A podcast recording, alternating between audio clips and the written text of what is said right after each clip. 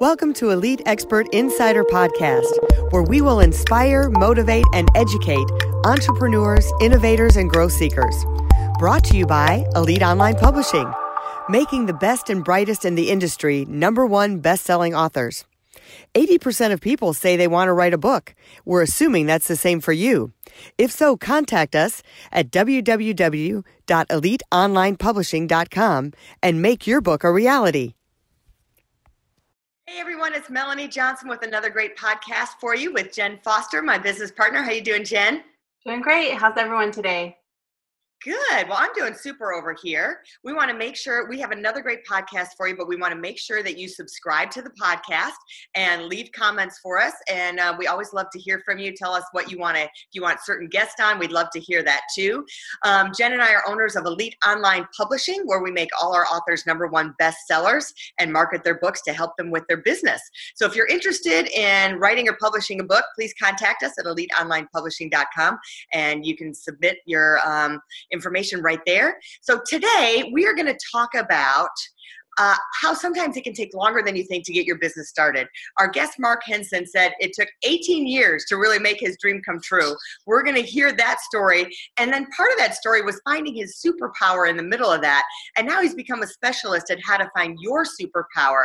And um, and I'm a true believer. I think superpowers evolve over as you get older. You know, you you equate different superpowers, and it's hard to tap in to your genuine one from when you were when you were a kid.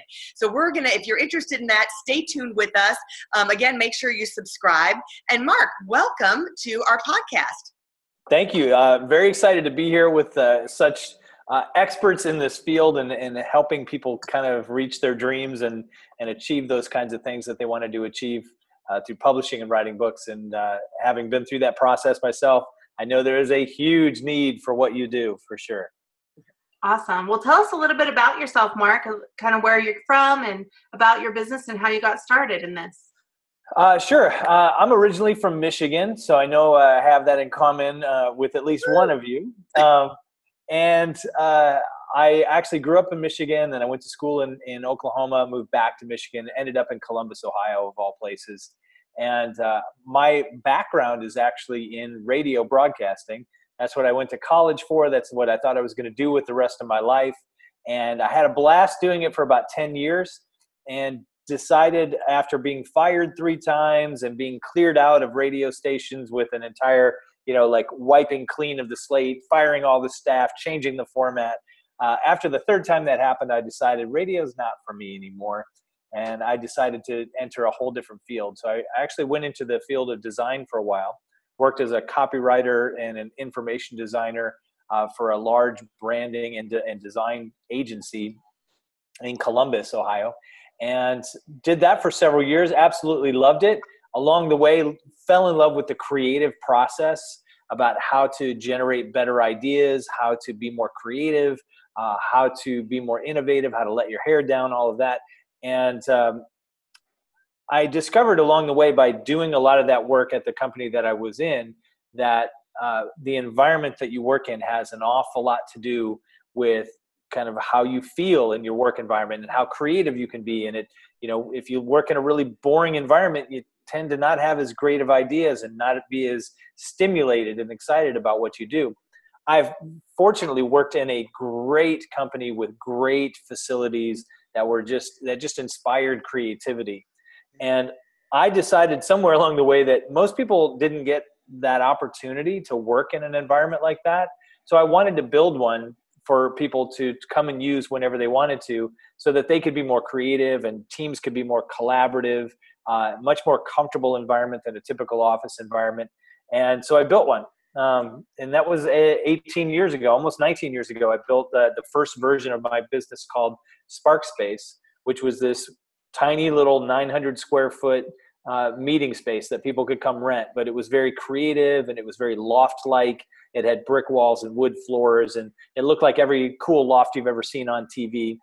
And uh, that took off. And so it slowly grew over the years uh, into what it is now. Now we have, uh, we're opening up our sixth uh, room here in our space.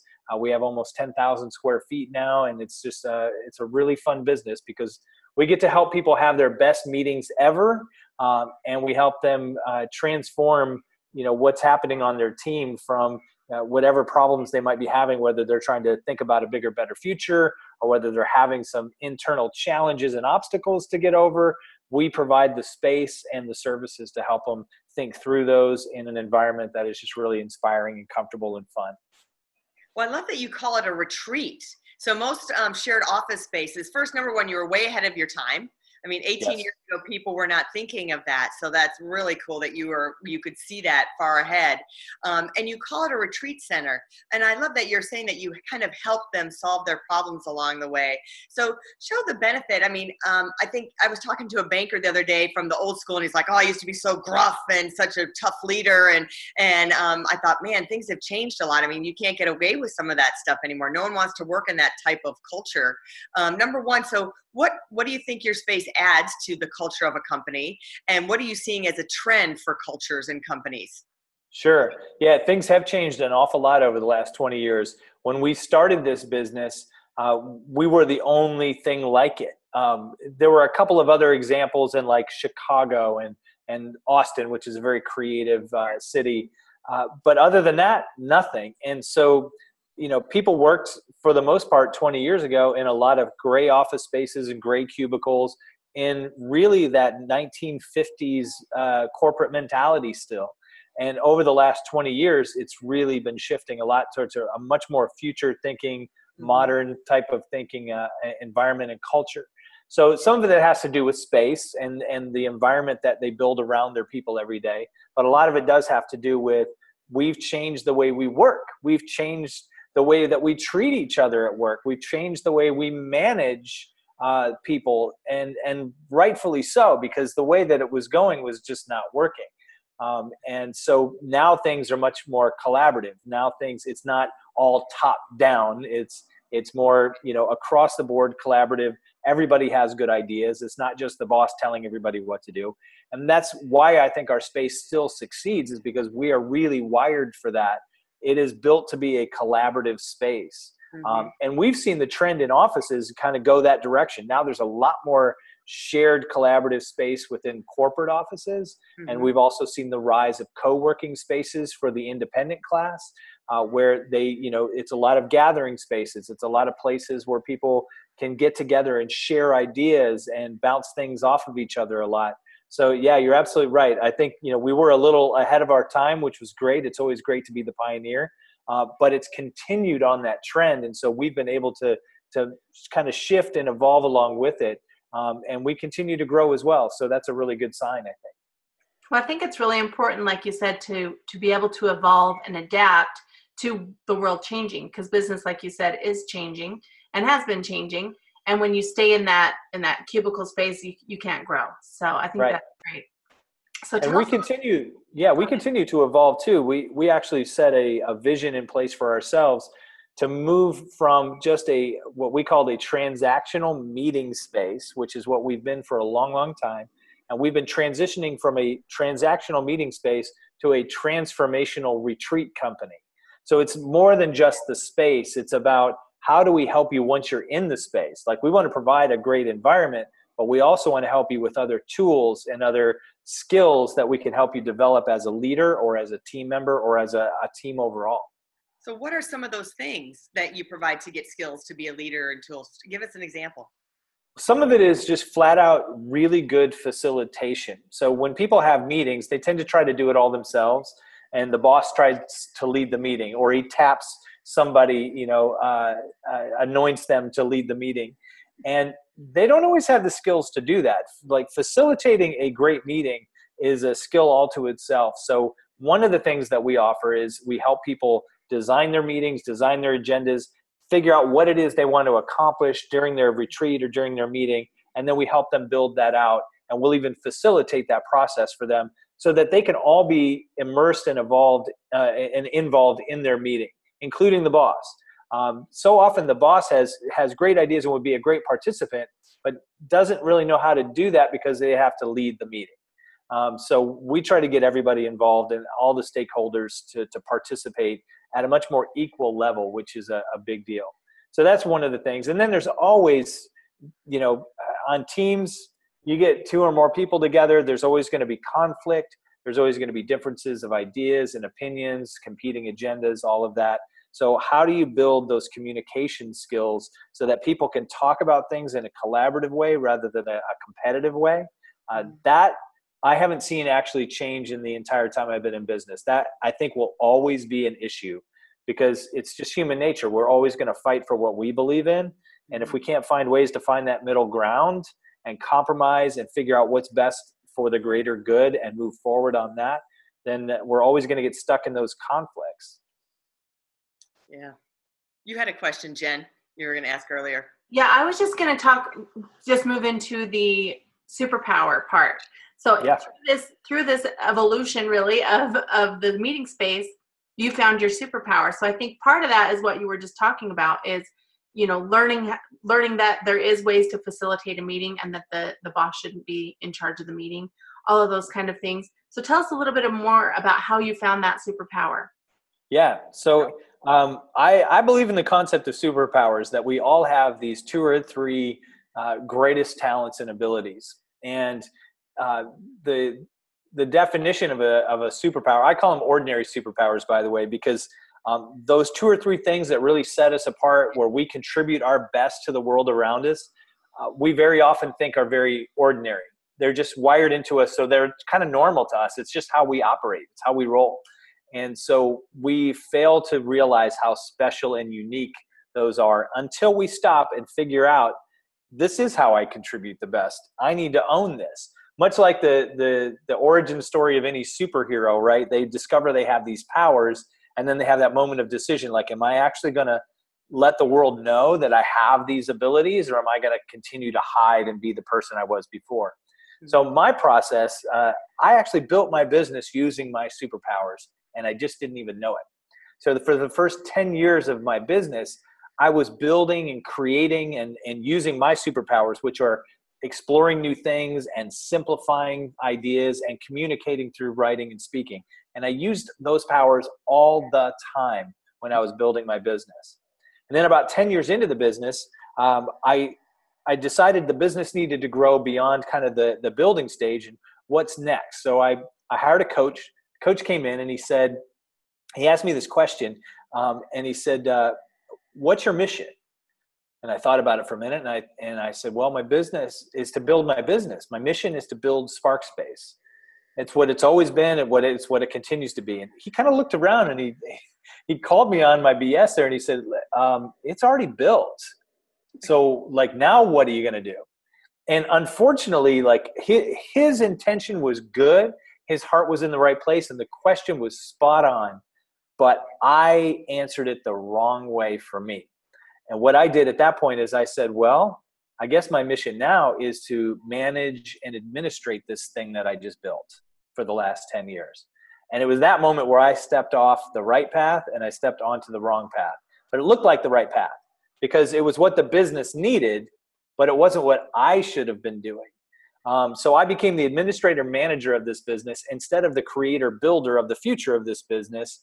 And uh, I did that and I did it fairly well for years and I found myself depressed. I found myself wanting to quit. I found myself not wanting to get up and go to work every day in a business that I loved, you know, which was so weird to me. And, and you know, in retrospect and getting some counseling and everything else, I realized that I actually went into a long-term low low level depression that I just I couldn't shake.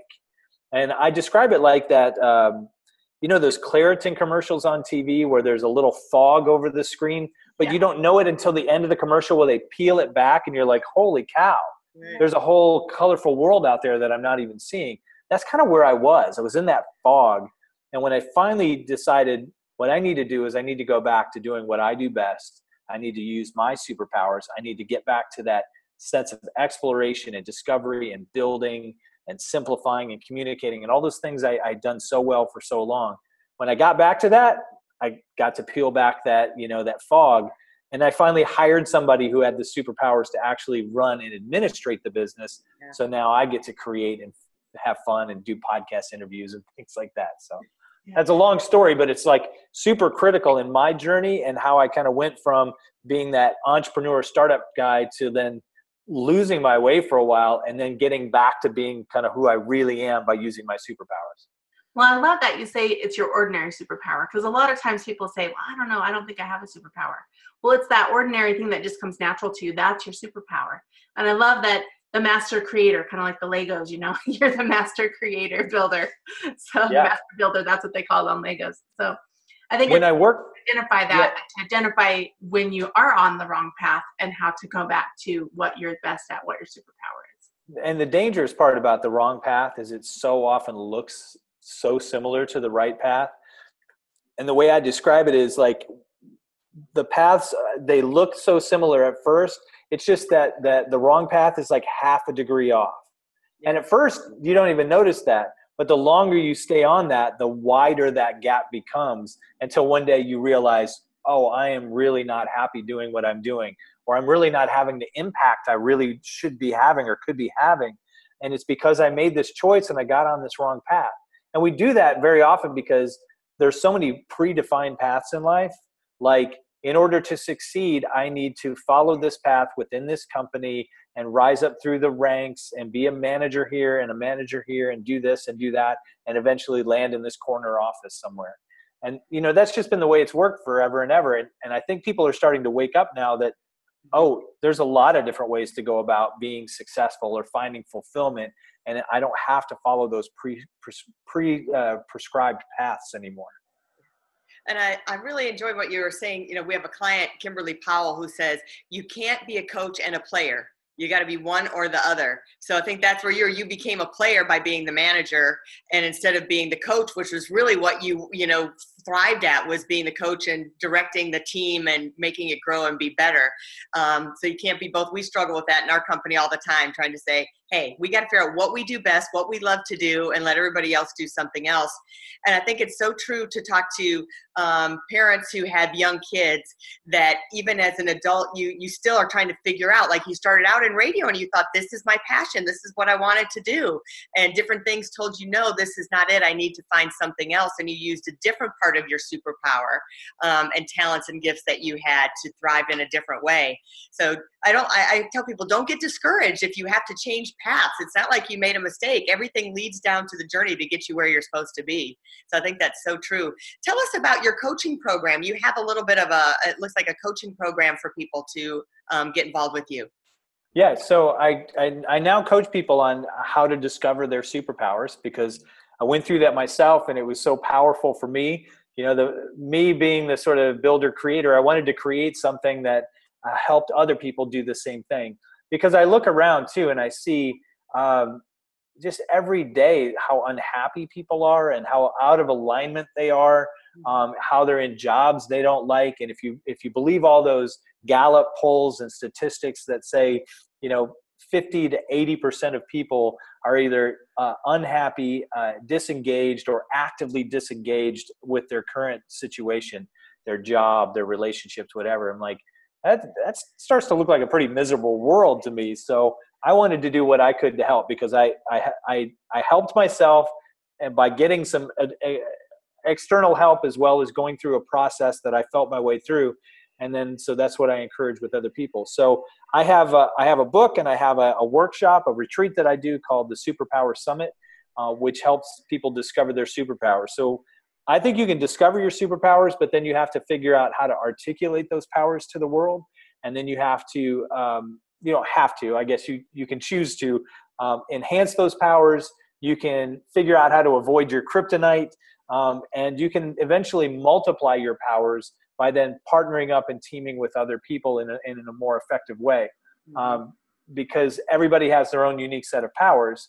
Yours are different than mine and if we collaborate with those powers, just imagine what we could achieve.